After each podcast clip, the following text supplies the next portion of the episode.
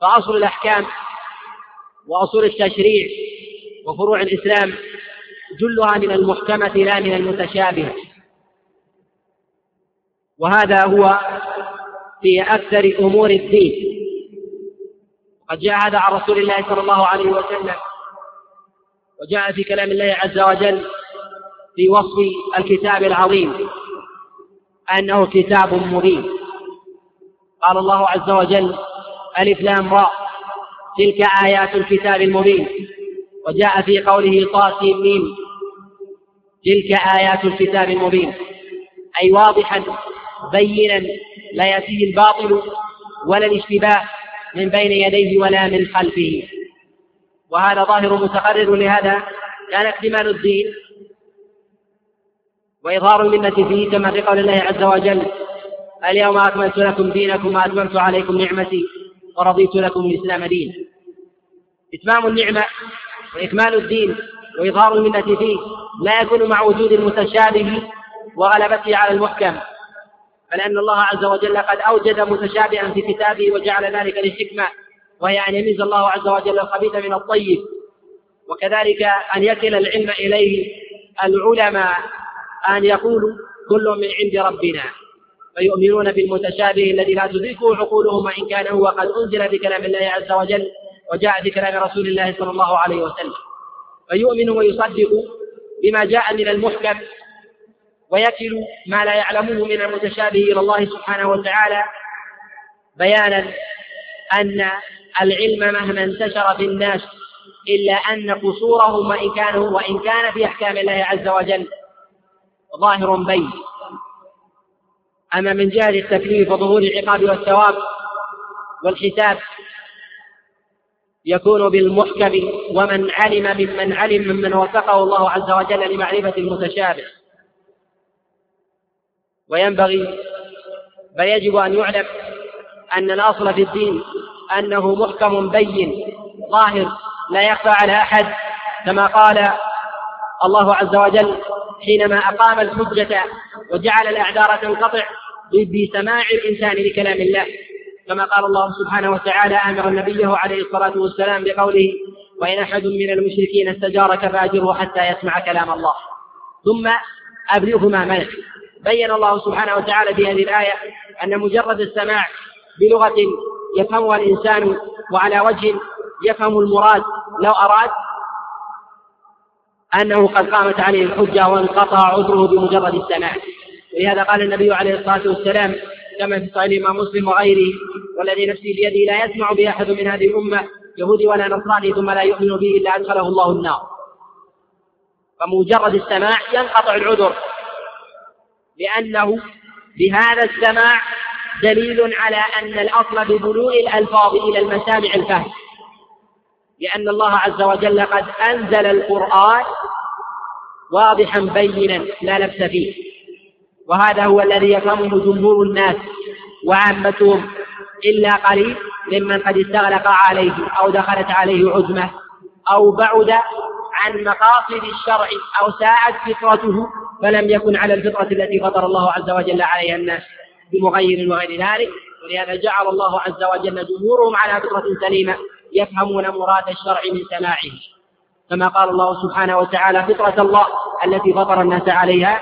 وقال النبي عليه الصلاة والسلام كما في الصحيحين وغيرهما من حديث أبي هريرة ما من مولود إلا ويولد على الفطرة فأبواه يهودانه أو ينصرانه أو يمجسانه وجاء في رواية أو يمسلمانه يعني من جهة الأفعال التي قد زيدت عن الفطرة مما يوافق أصل الفطرة في قلب الإنسان. الحلال بين والحرام بين وهذا هو المراد في قول الله سبحانه وتعالى هن أم الكتاب. أي هذا هو الأصل في الدين. وأما المتشابه فيوجد والحكم منه عظيمة جليلة. بيان أن الكمال المطلق في العلم لله سبحانه وتعالى ليس لأحد غيره. كذلك بيان أن الناس يتفاوتون وينبغي أن يطلبوا العلم ويلتمسوه من مظانه وبفهم أقرب الناس إلى التشريع وهم الصحابة عليهم رضوان الله تعالى وكذلك التابعون ثم من جاء بعدهم أقرب إلى الدليل وفهمه من غيره. لهذا أوصى رسول الله صلى الله عليه وسلم بأصحاب القرون الأولى والأخذ عنهم كما قال النبي عليه الصلاة والسلام في الصحيح خير الناس قرني. ثم الذين يلونهم ثم الذين يلونهم وجاء في رواية قد تكلم فيها بعضهم خير القرون قرني. أحكام الشريعة الأصل فيها الظهور وعدم الخفاء وثمة قواعد وأصول عليها مدار الدين ومدار الأحكام على وجه العموم في سائر الفنون والعلوم ينبغي إدراكها. أولا القاعدة أنه يحرم على الله يعني يحرم أن يقال على الله بلا علم. وأن مآل التكاليف والعبادات إلى الله ليس لأحد أن يحدث شيئا من تلقاء نفسه. ولهذا جعل الله عز وجل الحجة في كلام رسول الله صلى الله عليه وسلم لأنه لا ينطق عن هواه وإلا وحي كما قال الله عز وجل وما ينطق عن هواه إلا وحي فلا حجة لأحد إلا بكلام الله وكلام رسول الله صلى الله عليه وسلم. وما عدا ذلك فلا عبرة به وإنما هي قرائن ودلالات تقرب من الحق وليست هي حق بذاتها حتى وإن كانوا أصحاب رسول الله صلى الله عليه وسلم إلا إن كان إجماعا فالإجماع قد جاء الدليل بوجوب لزومه واتباعه. كما قال الإمام أحمد عليه رحمة الله تعالى الإجماع ومن جاء بعدهم تبع له. فإذا كان الإجماع محل حجة فإجماع الصحابة عليهم رضوان الله تعالى أكد وأعظم. هذه القاعدة وهي تحريم القول على الله بلا علم. قد جاء النص عليها في كلام الله سبحانه وتعالى كما قال الله عز وجل إنما حرم ربي الفواحش إلى قوله وأن تقولوا على الله ما لا تعلمون القاعدة الثانية أن ما سكت الله عز وجل عليه ورسوله عليه الصلاة والسلام أن الأصل فيه الإباحة ولا يجوز لأحد أن يتجرأ عليه بتحريم إلا بدليل مؤثر من كتاب أو سنة. كما قال الله عز وجل في كتابه العظيم يا أيها الذين آمنوا لا تسألوا عن أشياء إن تبد لكم تسؤكم. وقال النبي عليه الصلاة والسلام كما في الصحيح وسكت عن أشياء رحمة بكم فلا تسألوا عنها. القاعدة الثالثة أن اتباع المتشابه لكلام الله سبحانه وتعالى وكلام رسول الله صلى الله عليه وسلم وتنكب المحكم.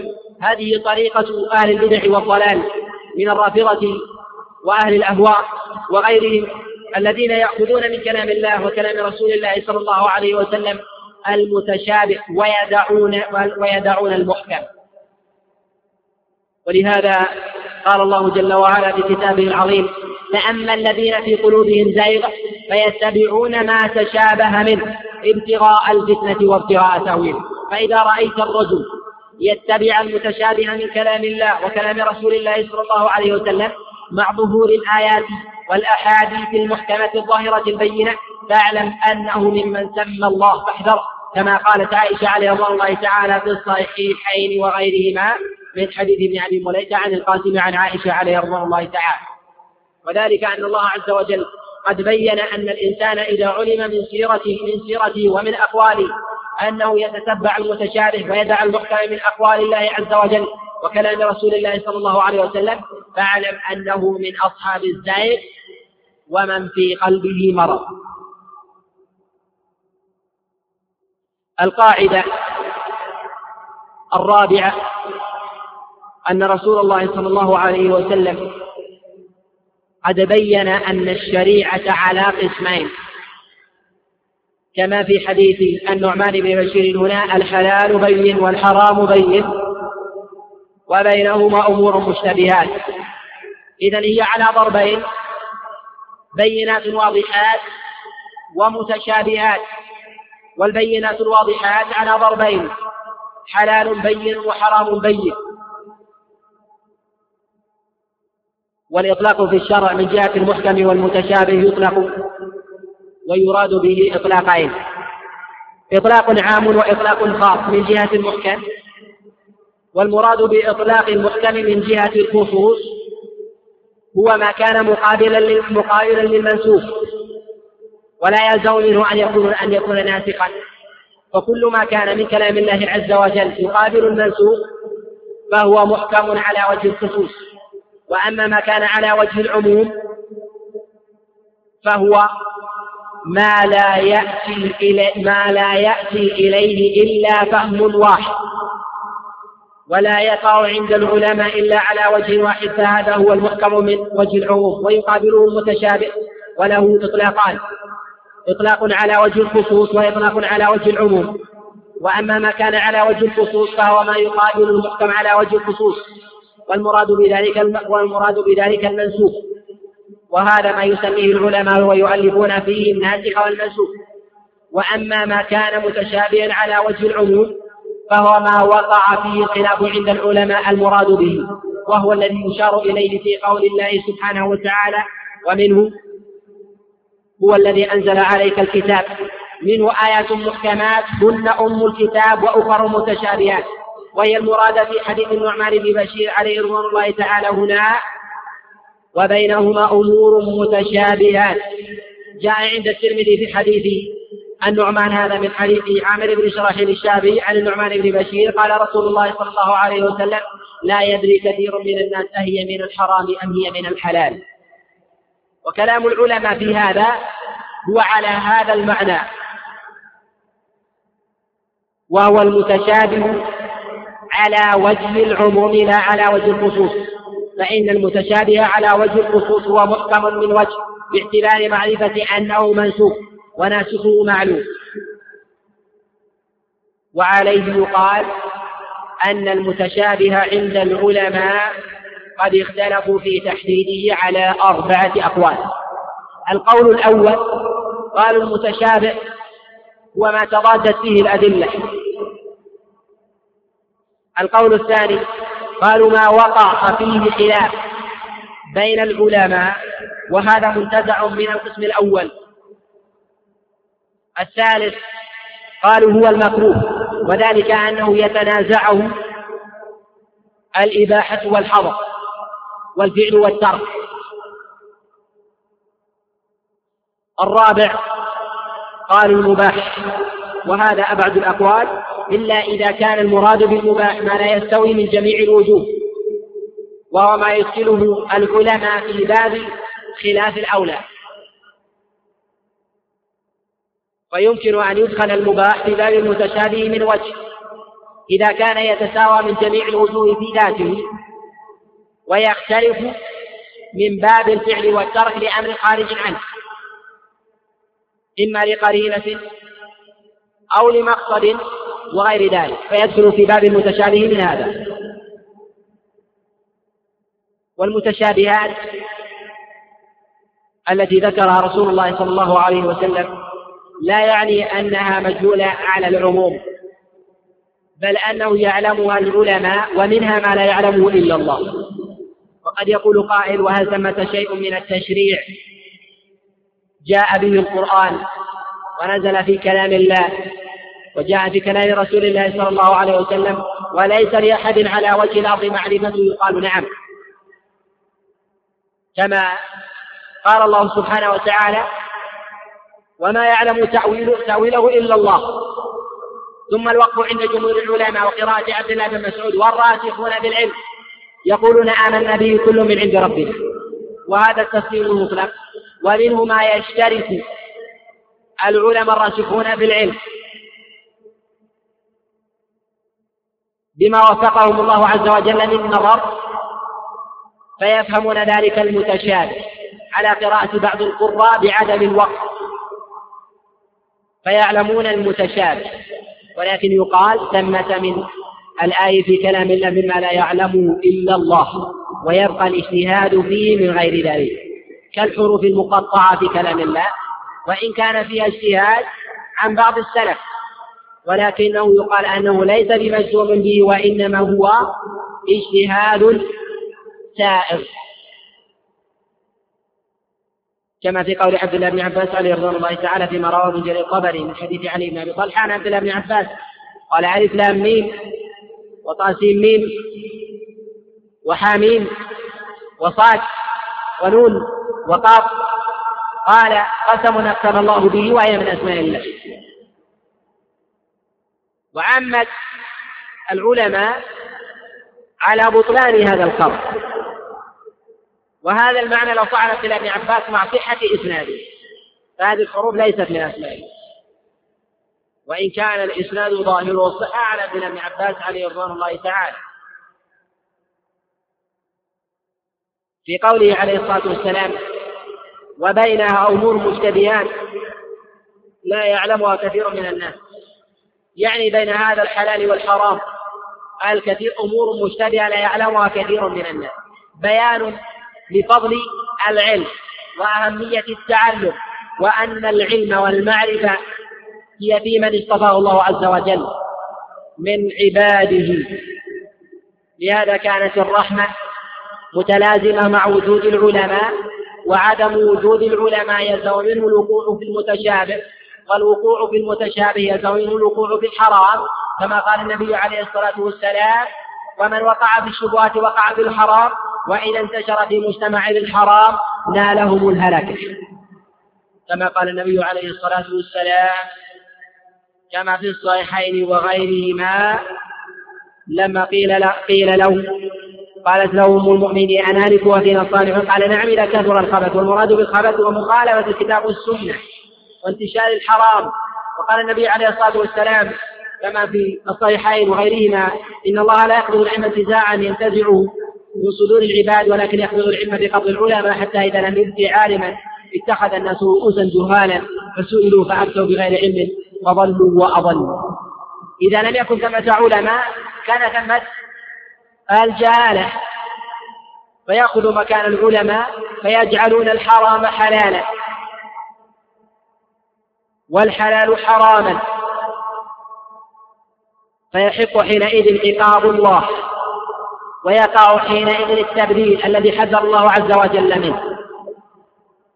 ويعلم أنه ما من حق وما من علم يضمحل في الناس إلا ويقع مكانه جهالة وما من جهالة تزول إلا ويحل محلها علم ونور وهداية. وهذا على الاضطراد وعلى وجه العموم في سائر العلوم كلها. وفي قوله عليه الصلاة والسلام كثير من الناس دليل على أن الأكثر أو الكثير على الأقل يعلم هذه المتشابهات. وهم العلماء ومن وفقه الله عز وجل لمعرفة ذلك. كذلك قد يكون العلم أو بعض مسائل العلم. عند بعض العلماء من المتشابه وعند بعض العوام من المحكم البين الظاهر بحسب توفيق الله عز وجل له. لأنه ربما نظر في هذه المسألة وتبصر بدليلها وهو لم ينظر في تلك المسألة ولم يتبصر فيه. وربما نظر فيها ولم يوفق للصواب. وفي ذكر النبي عليه الصلاة والسلام للمتشابه بعد الحلال والحرام دليل على قلته في مقابل وضوح وبيان الحلال والحرام. لهذا قال النبي عليه الصلاة والسلام كما روى ابن أبي عاصم في كتابه السنة وكذلك الهروي في ذم الكلام من حديث العرباض بن سارية قال النبي عليه الصلاة والسلام تركتكم على بيضاء نقية ليلها كنهارها. لا يزيغ عنها إلا هذه هذا هو الأصل في أحكام التشريع أنها ظاهرة بينة وأما وجود المتشابه فهو عند كثير من الناس لكنه ليس عند جميع الناس. لهذا آمر الله عز وجل بسؤال أهل العلم لقوله جل وعلا فاسألوا أهل الذكر إن كنتم لا تعلمون. أهل الذكر عند أكثر المفسرين يذكرون أنهم هم اليهود والنصارى. ولكن العبرة بعموم اللفظ لا بخصوص السبب. والمراد بهذه الآية فاسألوا أهل الذكر فيما هو موجود عندهم في الكتاب فأقيموا عليهم الحجة. إن كنتم لا تعلمون ما في الكتاب فاسألوا أهل الكتاب يعني اليهود والنصارى. ويدخل في هذا من باب أولى أهل العلم والمعرفة. العالمون بكلام الله وبكلام رسول الله صلى الله عليه وسلم إن كنتم لا تعلمون لأن القرآن هو الذكر. كما قال الله جل وعلا في كتابه العظيم إنا نحن نزلنا الذكر وإنا له لحافظون. وأهل الذكر هم أهل العلم وأهل القرآن. إن كنتم لا تعلمون يشترك فيه من جهل ما جاء به النبي عليه الصلاة والسلام من الأصول ممن خالف هذه من اليهود والنصارى. أو ممن كان على منهج قويم لكنه لم يعرف المسائل على وجهها فيسأل على الذكر والمعرفة. المتشابه اتباعه من صفة المنافقين وأهل الزيغ لهذا إذا رؤي الشخص من أقواله وأفعاله يتبع المتشابه من كلام الله وكلام رسول الله صلى الله عليه وسلم ويدع المحكم فليعلم أن في قلبه زيغا وبقدر تعلقه بالمتشابه بقدر ما يكون الزيغ فيه. وهنا لفتة مهمة ينبغي أن يتنبأ لها كلما كثر المتشابه لدى الإنسان كلما قرب من أهل الزيغ. وكلما ظهر عنده المحكم كلما كان من أهل الحق والتوفيق.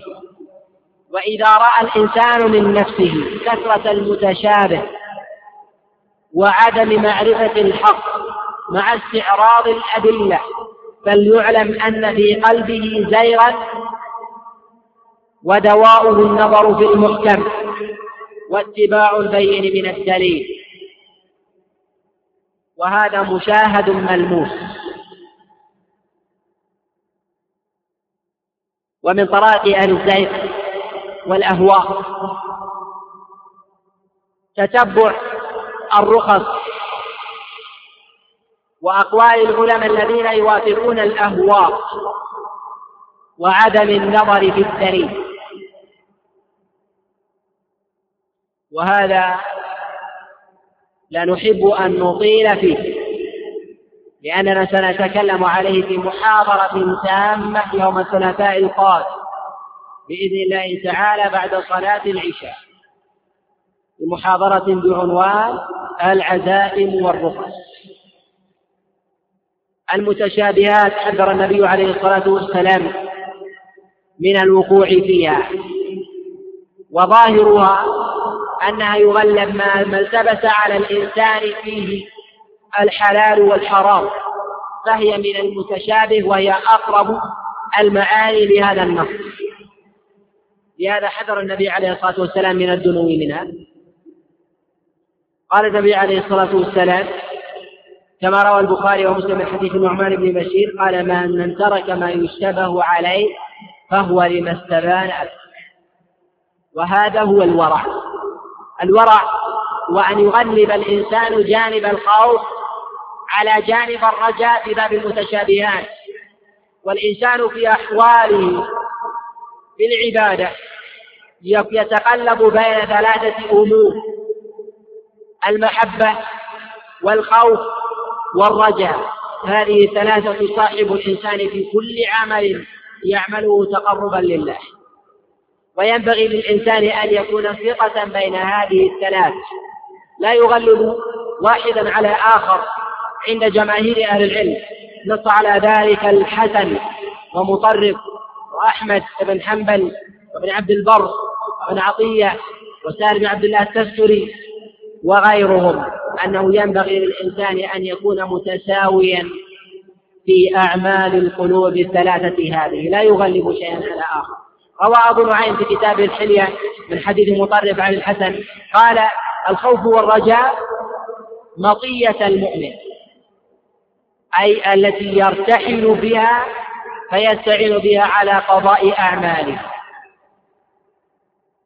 يقول ابن عطية الخوف والرجاء كالجناحين للطائر.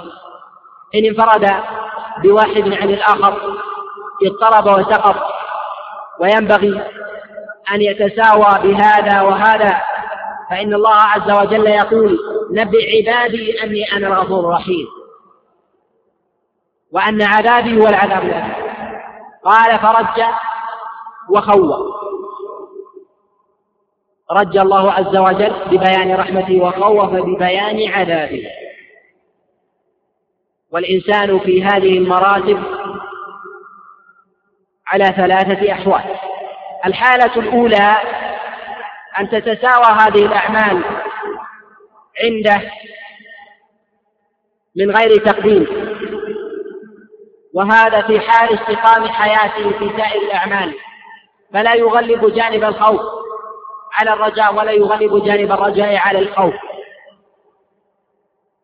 ولهذا قال بعض السلف من عبد الله قال بعض السلف من عبد الله بالخوف وحده فهو حروري ومن عبد الله بالرجاء وحده فهو مرجع ومن عبد الله بالمحبة وحدها فهو زنديق. حتى يعبد الله بالرجاء والخوف والمحبة ومن عبد الله بالخوف والرجاء والمحبة فهو مؤمن موحد الحالة الثانية أن يغلب جانب الخوف. وهذا عند المتشابهات وهذا الشاهد هنا عند وجود المتشابهات يغلب الإنسان جانب الخوف. وذلك لتأثير وقوعه في الحرام. كما قال النبي عليه الصلاة والسلام فمن وقع في الشبهات وقع في الحرام. أي لا بد أن يقع في الحرام. فإنه إن أجاز لنفسه الوقوع في الشبهات والشبهات هي ما تردد بين الحلال والحرام فإنه سيأتي مرة تكون الشبهة في الحرام فيقع في الحرام. لهذا قال بعض العلماء أن من وقع في الشبهات وما يتردد فيه الحلال والحرام من غير وضوء فصادف حرامه أثم وعوقب على ذلك. والشارع لا يلحق تكليفا إلا بما يحاسب عليه وهذا هو الظاهر. أن الإنسان إن وقع في المتشابهات من غير ظهور الدليل والتماس أنه يأثم إن صادف حراما. لهذا حذر النبي عليه الصلاة والسلام من الوقوع في المتشابهات. وحذر من ذلك أيضا السلف كما روى البياقي في شعب الإيمان من حديث يحيى بن سعيد عن سعيد بن المسيب قال كتب إلي بعض إخواني من أصحاب رسول الله صلى الله عليه وسلم أن من تعرض للشبهات فلا يلومن إلا نفسه. فلا يلومن إلا نفسه. قد رواه ابن عدي في كتابه الكامل عن عمر بن الخطاب عليه رضوان الله تعالى من قوله. المراد بذلك فلا يلومن إلا نفسه يعني من لحوق العقاب في الآخرة ولحوق العقاب في الدنيا والعقاب في الدنيا قد بينه النبي عليه الصلاة والسلام بقوله فمن وقع في الشبهات فقد وقع في الحرام.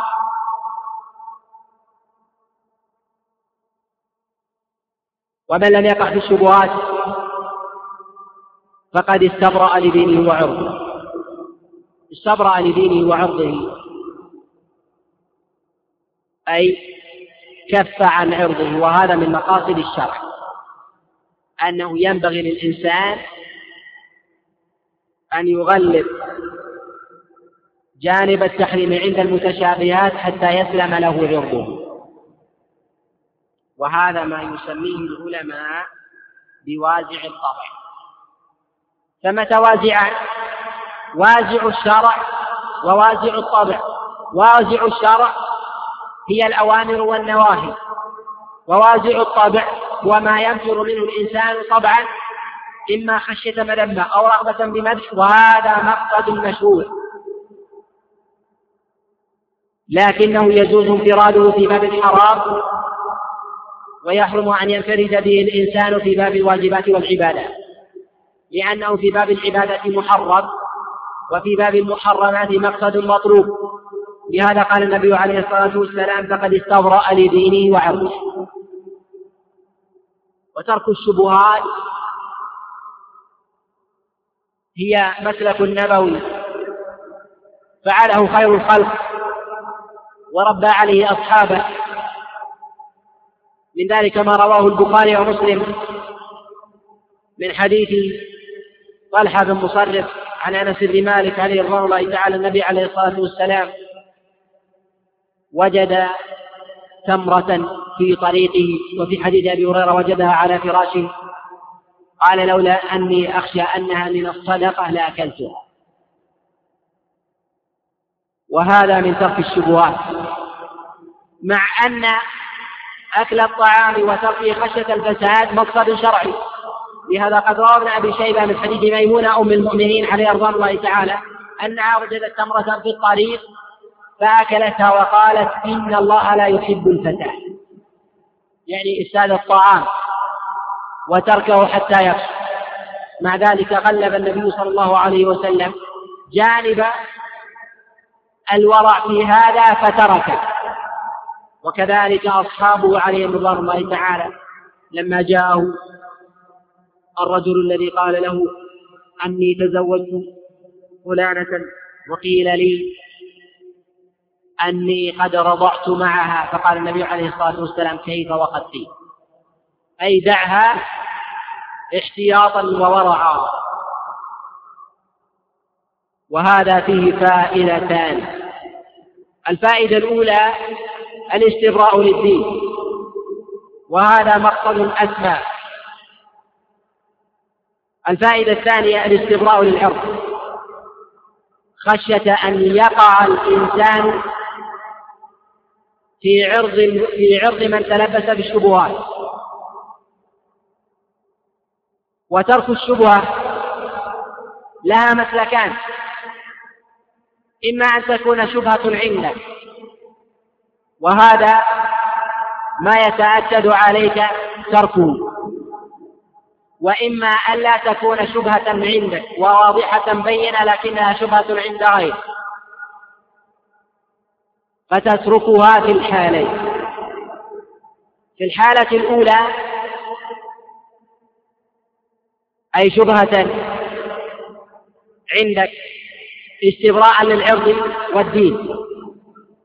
وإن والحالة الثانية أن تكون بينة عندك وشبهة عند غيرك استبراء للعرض وهذا ظاهر فيما رواه البخاري ومسلم من حديث معمر عن الزهري عن علي بن حسين أن النبي عليه الصلاة والسلام كان معتكفا.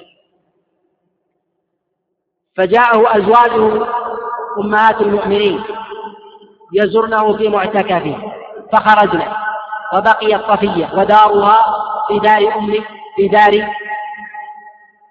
في دار قريبا من دار أسامة فقال النبي عليه الصلاة والسلام امكثي حتى أخرج معك فخرج النبي عليه الصلاة والسلام مع الصفية فلما كان في طريقه مر به رجلان من الأنصار. فقال النبي عليه الصلاة والسلام مهلا إنها صفية. وهذا ليس بمتشابه عند النبي عليه الصلاة والسلام بل هو متشابه عنده. والنبي عليه الصلاة والسلام مستبرئ لدينه قطعا ولا يأتي شبهة في هذا. فأراد النبي عليه الصلاة والسلام ألا يقع عند أحد من هؤلاء سوء ظن به فيهلكون لأن الظن بالنبي ليس كالظن بغيره فالظن بالنبي كفر. فقال النبي عليه الصلاة والسلام إنها صفية خشية أن يقع في نفوسهم ظنا. قال بعض العلماء والمراد بذلك أن غالب أزواج النبي عليه الصلاة والسلام في الحجرات عند المسجد ولا يوجد من البعيد إلا صفية ويغلب على الظن أن النبي عليه الصلاة والسلام لا يخرج مع المعتكف إلا مع أجنبي لأنه أزواجه عنده ولا توجد بعيدة إلا صفية بنت حيي عليها رضوان الله تعالى. فقال النبي عليه الصلاة والسلام إنها صفية استبراء لدين من كان يراه وحفظا لعرضه عليه الصلاة والسلام. لدينهم خشية أن يقعوا في الكفر بسوء الظن. وهذان المسلكان يجب فهمهما ويغفل كثير من الناس ويقول هذا عندي ليس من المتشابه بل هو من المحتمل بين وأنا أفعل به وإن وقع الناس في عرضي لا أبالي. وهذا من الجهل. لأن الاستبراء للعرض وإن كان من المحتمل عندك لكنه من المتشابه عند الناس فيجب أن تستبرئ لعرضك. لأنك قد استبرأت لدينك وسليم فإن الاستبراء للعرض مقصد شرعي. وعليه يقال يجوز للإنسان أن يترك المحرم لأجل ألا يسبه الناس لكنه لا يؤجر على ذلك ولا يعاقب على هذه النية لوجود مقصد شرعي. لهذا يقول العلماء وازع الطبع كوازع الشرع. بلا نكران في هذا في باب المحرمات وفي باب التروك. لا في باب الأعمال التي هي داخلة في العبادات. فباب العبادات لا بد فيها من العمل المجرد وإن صاحبها وازع من الطبع فلا حرج. ووازع الطبع عند العلماء أقوى من وازع الشرع. لهذا يجوز للزاني والفاسق وشارب الخمر وصاحب الكبائر أن يسافر مع أمه مسيرة أيام لماذا؟ لوجود وازع الطبع في قلبه ويجوز للفاسق أن يلي امرأته أن يلي أمر ابنته ويزوجها بوجود وازع الطبع في نفسه. أعظم من وازع الشر. وقد أجمع العلماء على ذلك. نص عليه. العز بن عبد السلام وابن رجب وابن القيم وغيرهم أن وازع الشرع أن وازع الشرع دون وازع الطبع. لأن وازع الطبع قوي. وهذا يسر العلماء أحيانا في باب الإقرار في الجريمة وغيرها يقولون أن دافعه وازع الطبع. لا تقابله شهادة الشهود وغيرها لأن شهادة الشهود دافعها وازع شرع والإقرار دافعه وازع طبع ووازع الطبع مغلب على جانب وازع الشرع ولا مقارنة بينهما وهذا محل إجماع.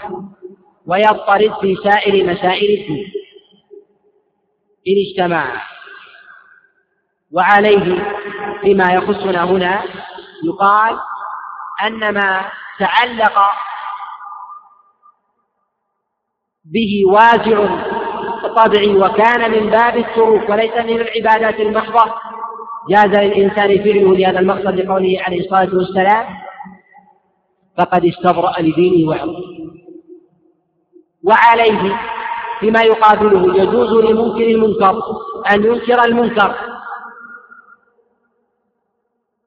من باب تحريك الطباع لا من باب تحريك الشر. كأن يقول اترك الخمر والكذب والغيبة والزنا والسرقة فأنت فلان بن فلان. وأنت من الأسرة الفلانية. ونحو ذلك يجوز شرعا. لكن من جهة الأعمال لا يجوز أن تقول صلي فإنك فلان بن فلان وأنت من آل فلان ومن البلد الفلاني ونحو ذلك ولا يليق بك هذا. هذا غير جائز. إلا إن صاحبه وازع شرع أن يقول أن الله فرضها عليك وهي واجبة عليك وأنت ابن فلان ابن فلان. يجوز في باب العبادات وأما في باب المحرمات فيجوز انفراد وازع الطبع من باب إنكار المنكر باتفاق العلماء. ولكن لا يتحقق الثواب في باب المحرمات إلا بوجود وازع الشرع. إذا ترك الإنسان الخمر وترك الغيبة والنميمة والكذب والبهتان وشهادة الزور وغير ذلك حسبة لله وطلبا للأجر يثاب على ذلك. إن ترك خشية أن يذمه الناس ونحو ذلك لا يؤجر عليه. ولكنه يرتفع عنه العقاب باتفاق باتفاق العلماء. أما من جهة الأعمال فهو باب خطير ومسلك عظيم يدخل في باب الشرك. ربما يدخل في باب الشرك الأكبر وربما يدخل في باب الشرك الأصغر وهو ما يسميه العلماء الرياء كما قال النبي عليه الصلاة والسلام من رأى رأى الله به ومن سمع سمع الله به وعاقبة وخيمة. كما جاء في صحيح مسلم من حديث العلاء بن عبد الرحمن عن أبي هريرة أن رسول الله صلى الله عليه وسلم قال قال الله عز وجل أنا أغنى الشركاء عن الشرك فمن أشرك معي غيري تركته وشركه. و في قوله عليه الصلاة والسلام فمن وقع في الشبهات فقد وقع في الحرام يعني لا محالة لأن الشبهة مترددة بين حل وحرمة. فإنه إن كان من عادته ذلك. الوقوع في الشبهات فلا بد أن يصادف حراما حتى يتمكن من الحرام وقيل أن ثمة معنى ثاني وهو أنه إن تجرأ على الشبهة لم يكن هيبة للحرام كهيبة الحرام قبل وقوعه في الشبهة حتى يقع في الحرام الصريح. أو تسول له نفسه أن هذا من الشبهة وهو من الحرام الصريح. وحينئذ يأتم ثم مثل رسول الله صلى الله عليه وسلم بذلك بقوله كالراعي يرعى حول الحمى يوشك أن يواقعه وهذا من عظيم تعليمه عليه الصلاة والسلام بأمته ومن نظر إلى حاله عليه الصلاة والسلام في التعليم وجد أنه كثيرا ما يمثل. يمثل مسائل العلم بأمور محسوسة مشاهدة.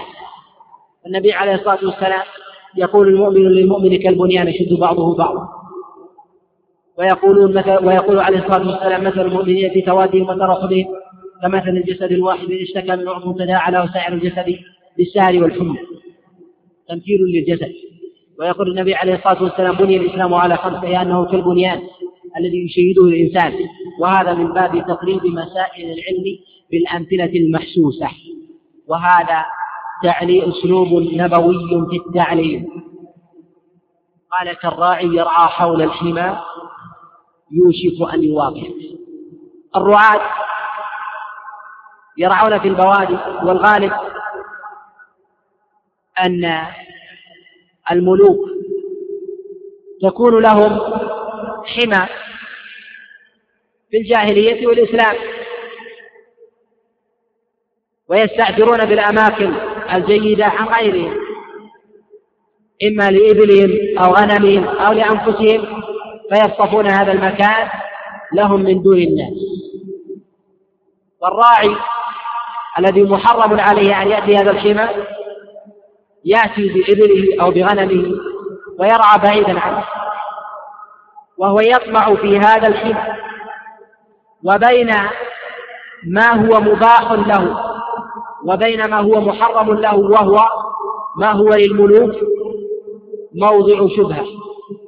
إن احترز منه بعد عن الحرام وإن تجرأ على ما يشك فيه والمعارف لم تكن معروفة فإن حدود السابقين تحدد بالأودية وبالجبال وبالأميال من غير حد فاصل كما هو في وقتنا.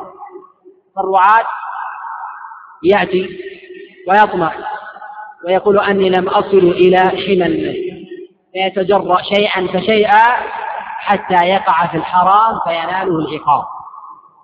وهذا من باب التمثيل منه عليه الصلاة والسلام. قال عليه الصلاة والسلام مبينا الحكمة من هذا التمثيل ألا وإن لكل ملك حمى.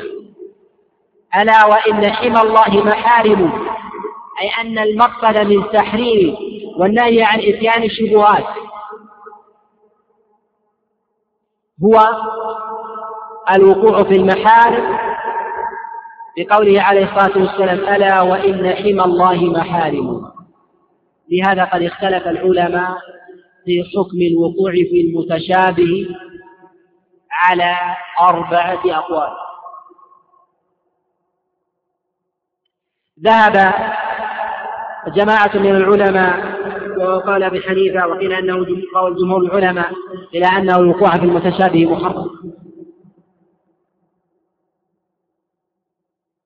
وقال بعضهم أنه مكروه.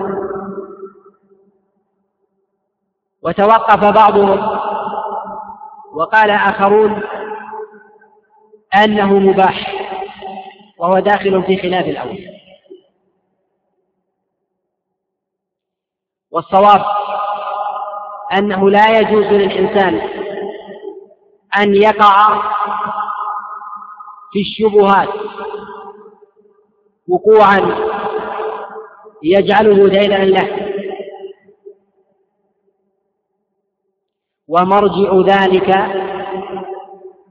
على التفصيل أي الصواب في مسألة الوقوع في المتشابهات على التفصيل. أنه ينظر في حال الفعل قبل ورود الشبهة في حكمها. قبل ورود الشرع. إن كان الأصل فيها الإباحة فهي مباحة. وإذا كان الأصل فيها التحريم فهي محرم. وإذا كان الأصل فيها الكراهة فهي مكروه وهذا قد لا يستقيم في بعض الأحوال لكنه أغلب. كأن يشتبه على الإنسان الطعام. لا يدري أهو حرام أو حلال. أذبح على الشرع أم لا؟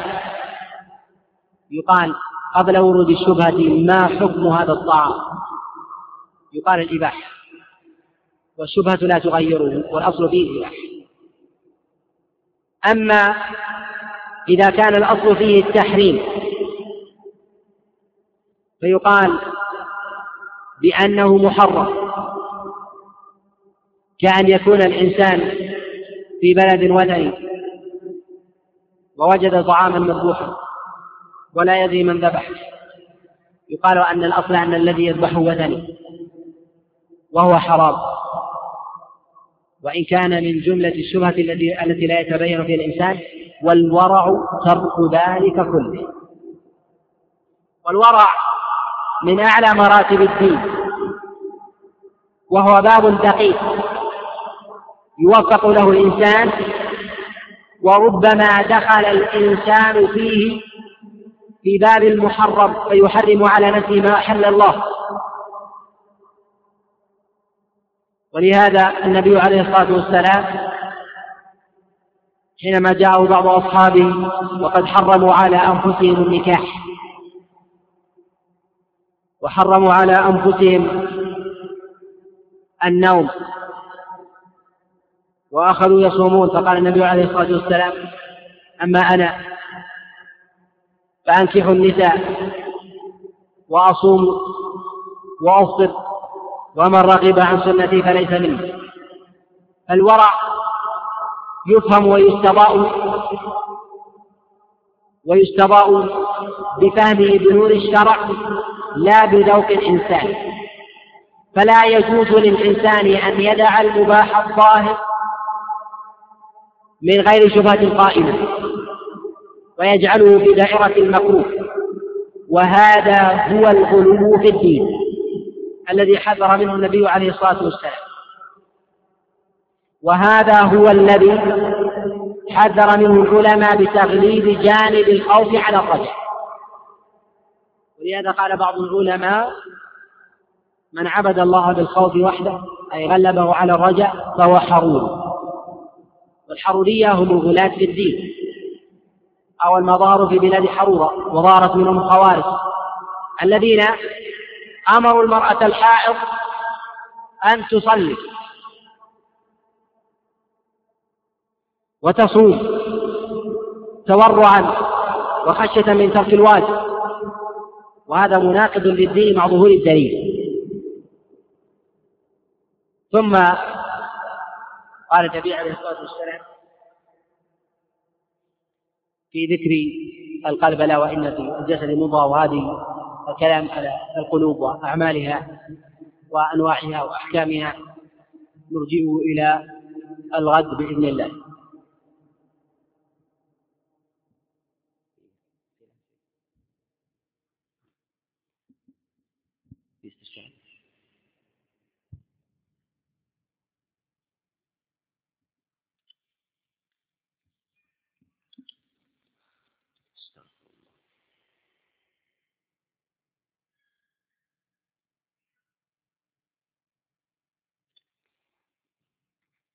يسأل عن حديث ما صحة حديث من من تتبع الصيدات حديث تتبع الصيدات الجامع أربع طرق كلها معلولة عند ابن حاتم.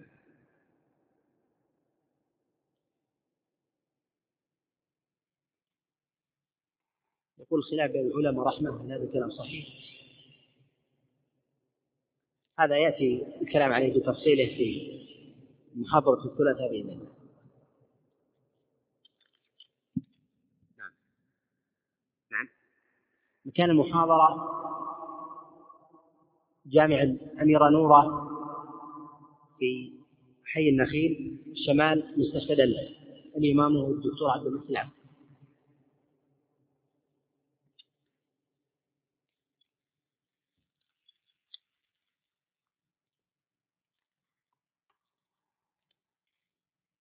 يقول حديث استعمال فضل المرأة. في هذا حديث متراد لا أدري هل يريد الذي يدل على الجواز أو الذي يدل على الكراهية. أما الذي يدل على الكراهية هو حديث لا بأس به إسناده يرويه داود بن عبد الله العودي عن حميد بن عبد الرحمن الحميري عن بعض أصحاب النبي عليه الصلاة والسلام. وأما الجواز فقد جاء في حديث عبد الله بن عباس في صحيح مسلم.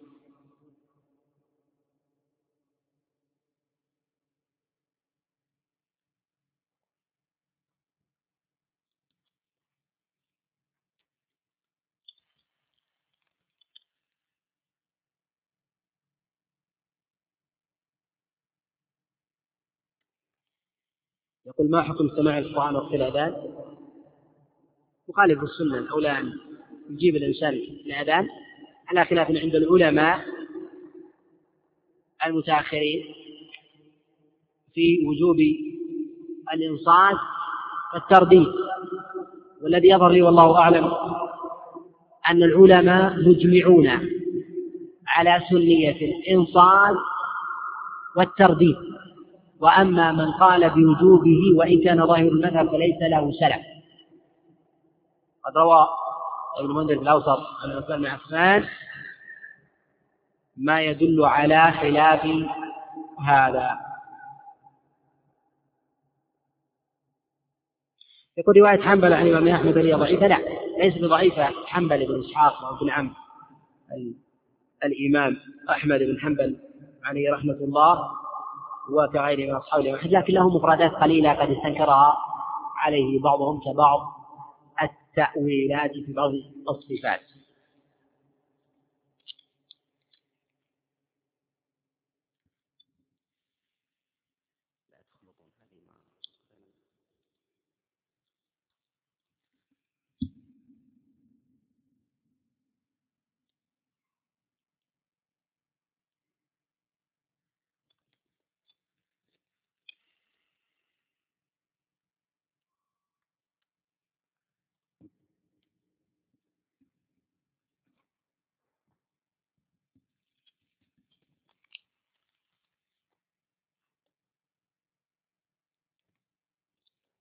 قل ما صحة حديث صيام يوم الخميس.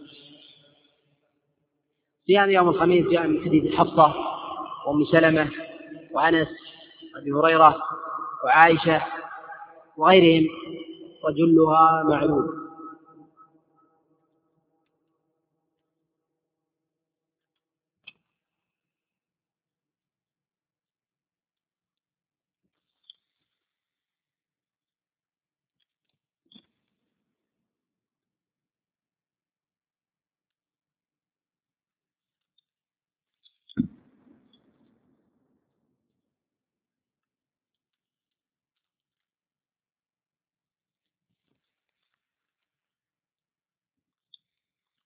ما حال قصة المرأة المتكلمة بالقرآن؟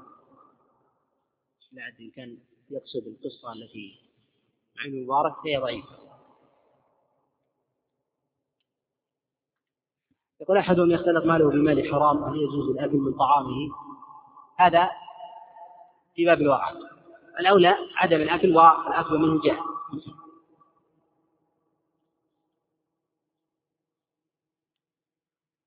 ممن يعتقد ممن يعتقد تحريمه لا ممن يفعله مع يرى أنه مباح. وهذا فرق. يعني النبي عليه الصلاة والسلام تدعوه المرأة المشركة اليهودية وربما طعم عندها اليهودية. والله عز وجل كانوا من السحت. فهل يقال النبي عليه الصلاة والسلام فعل ذلك؟ لا. لأن هؤلاء ليسوا من ليسوا ممن يأخذون بأحكام التشبيه في تحريم الربا وغيرها. فأما إذا كان الإنسان يتعامل بالربا ويعلم أنه ربا فهذا هو التورع من عدم الأكل مما ما يفعل أما إذا كان لا يعتقد هذا الشيء إما من المسائل الخلافية وغير ذلك فهذا يجوز.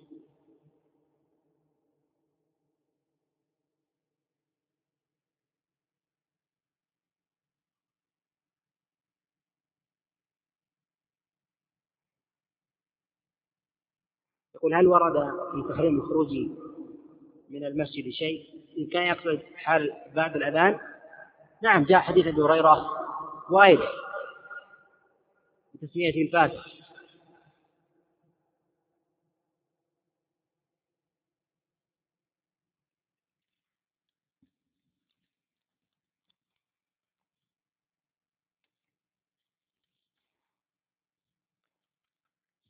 يقول هل من بأس في ترديد المصلي بالوجه أكثر من مرة في الركعة الواحدة؟ إذا كانت الفريضة خلاف السنة. أما في النافلة فلا بأس بذلك وإن كان لم يثبت عن رسول الله صلى الله عليه وسلم وأما ما رواه النسائي من تدريب النبي عليه الصلاة والسلام إن تعذبهم فإنهم, عبادة فهذا ضعيف. فتبرد بن جسر بن دجاجة كما عند النسائي.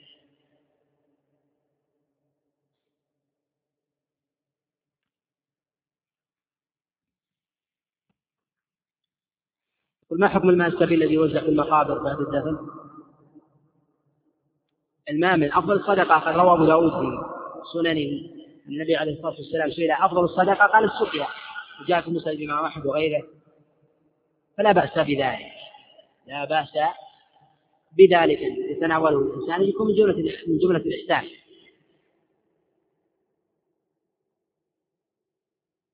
يقول ما صحة حديث إذا قرع الكأسان ببعضهما حرم فيه. هذا ليس بحديث وإنما كلام.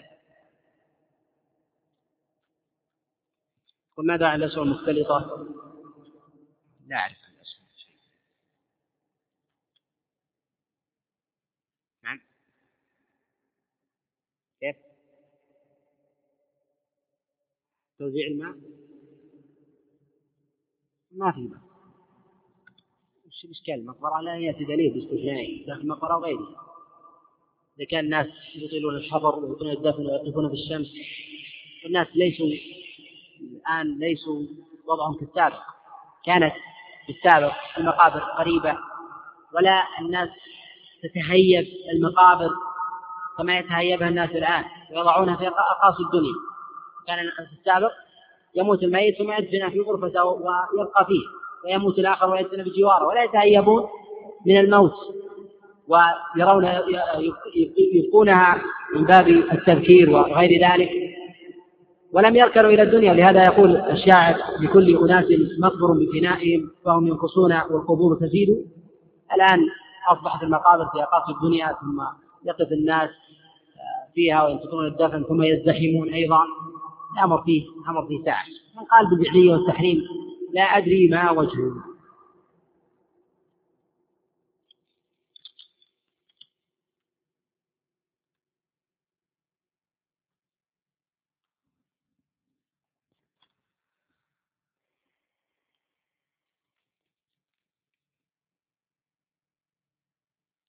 صلى الله وسلم وبارك على نبينا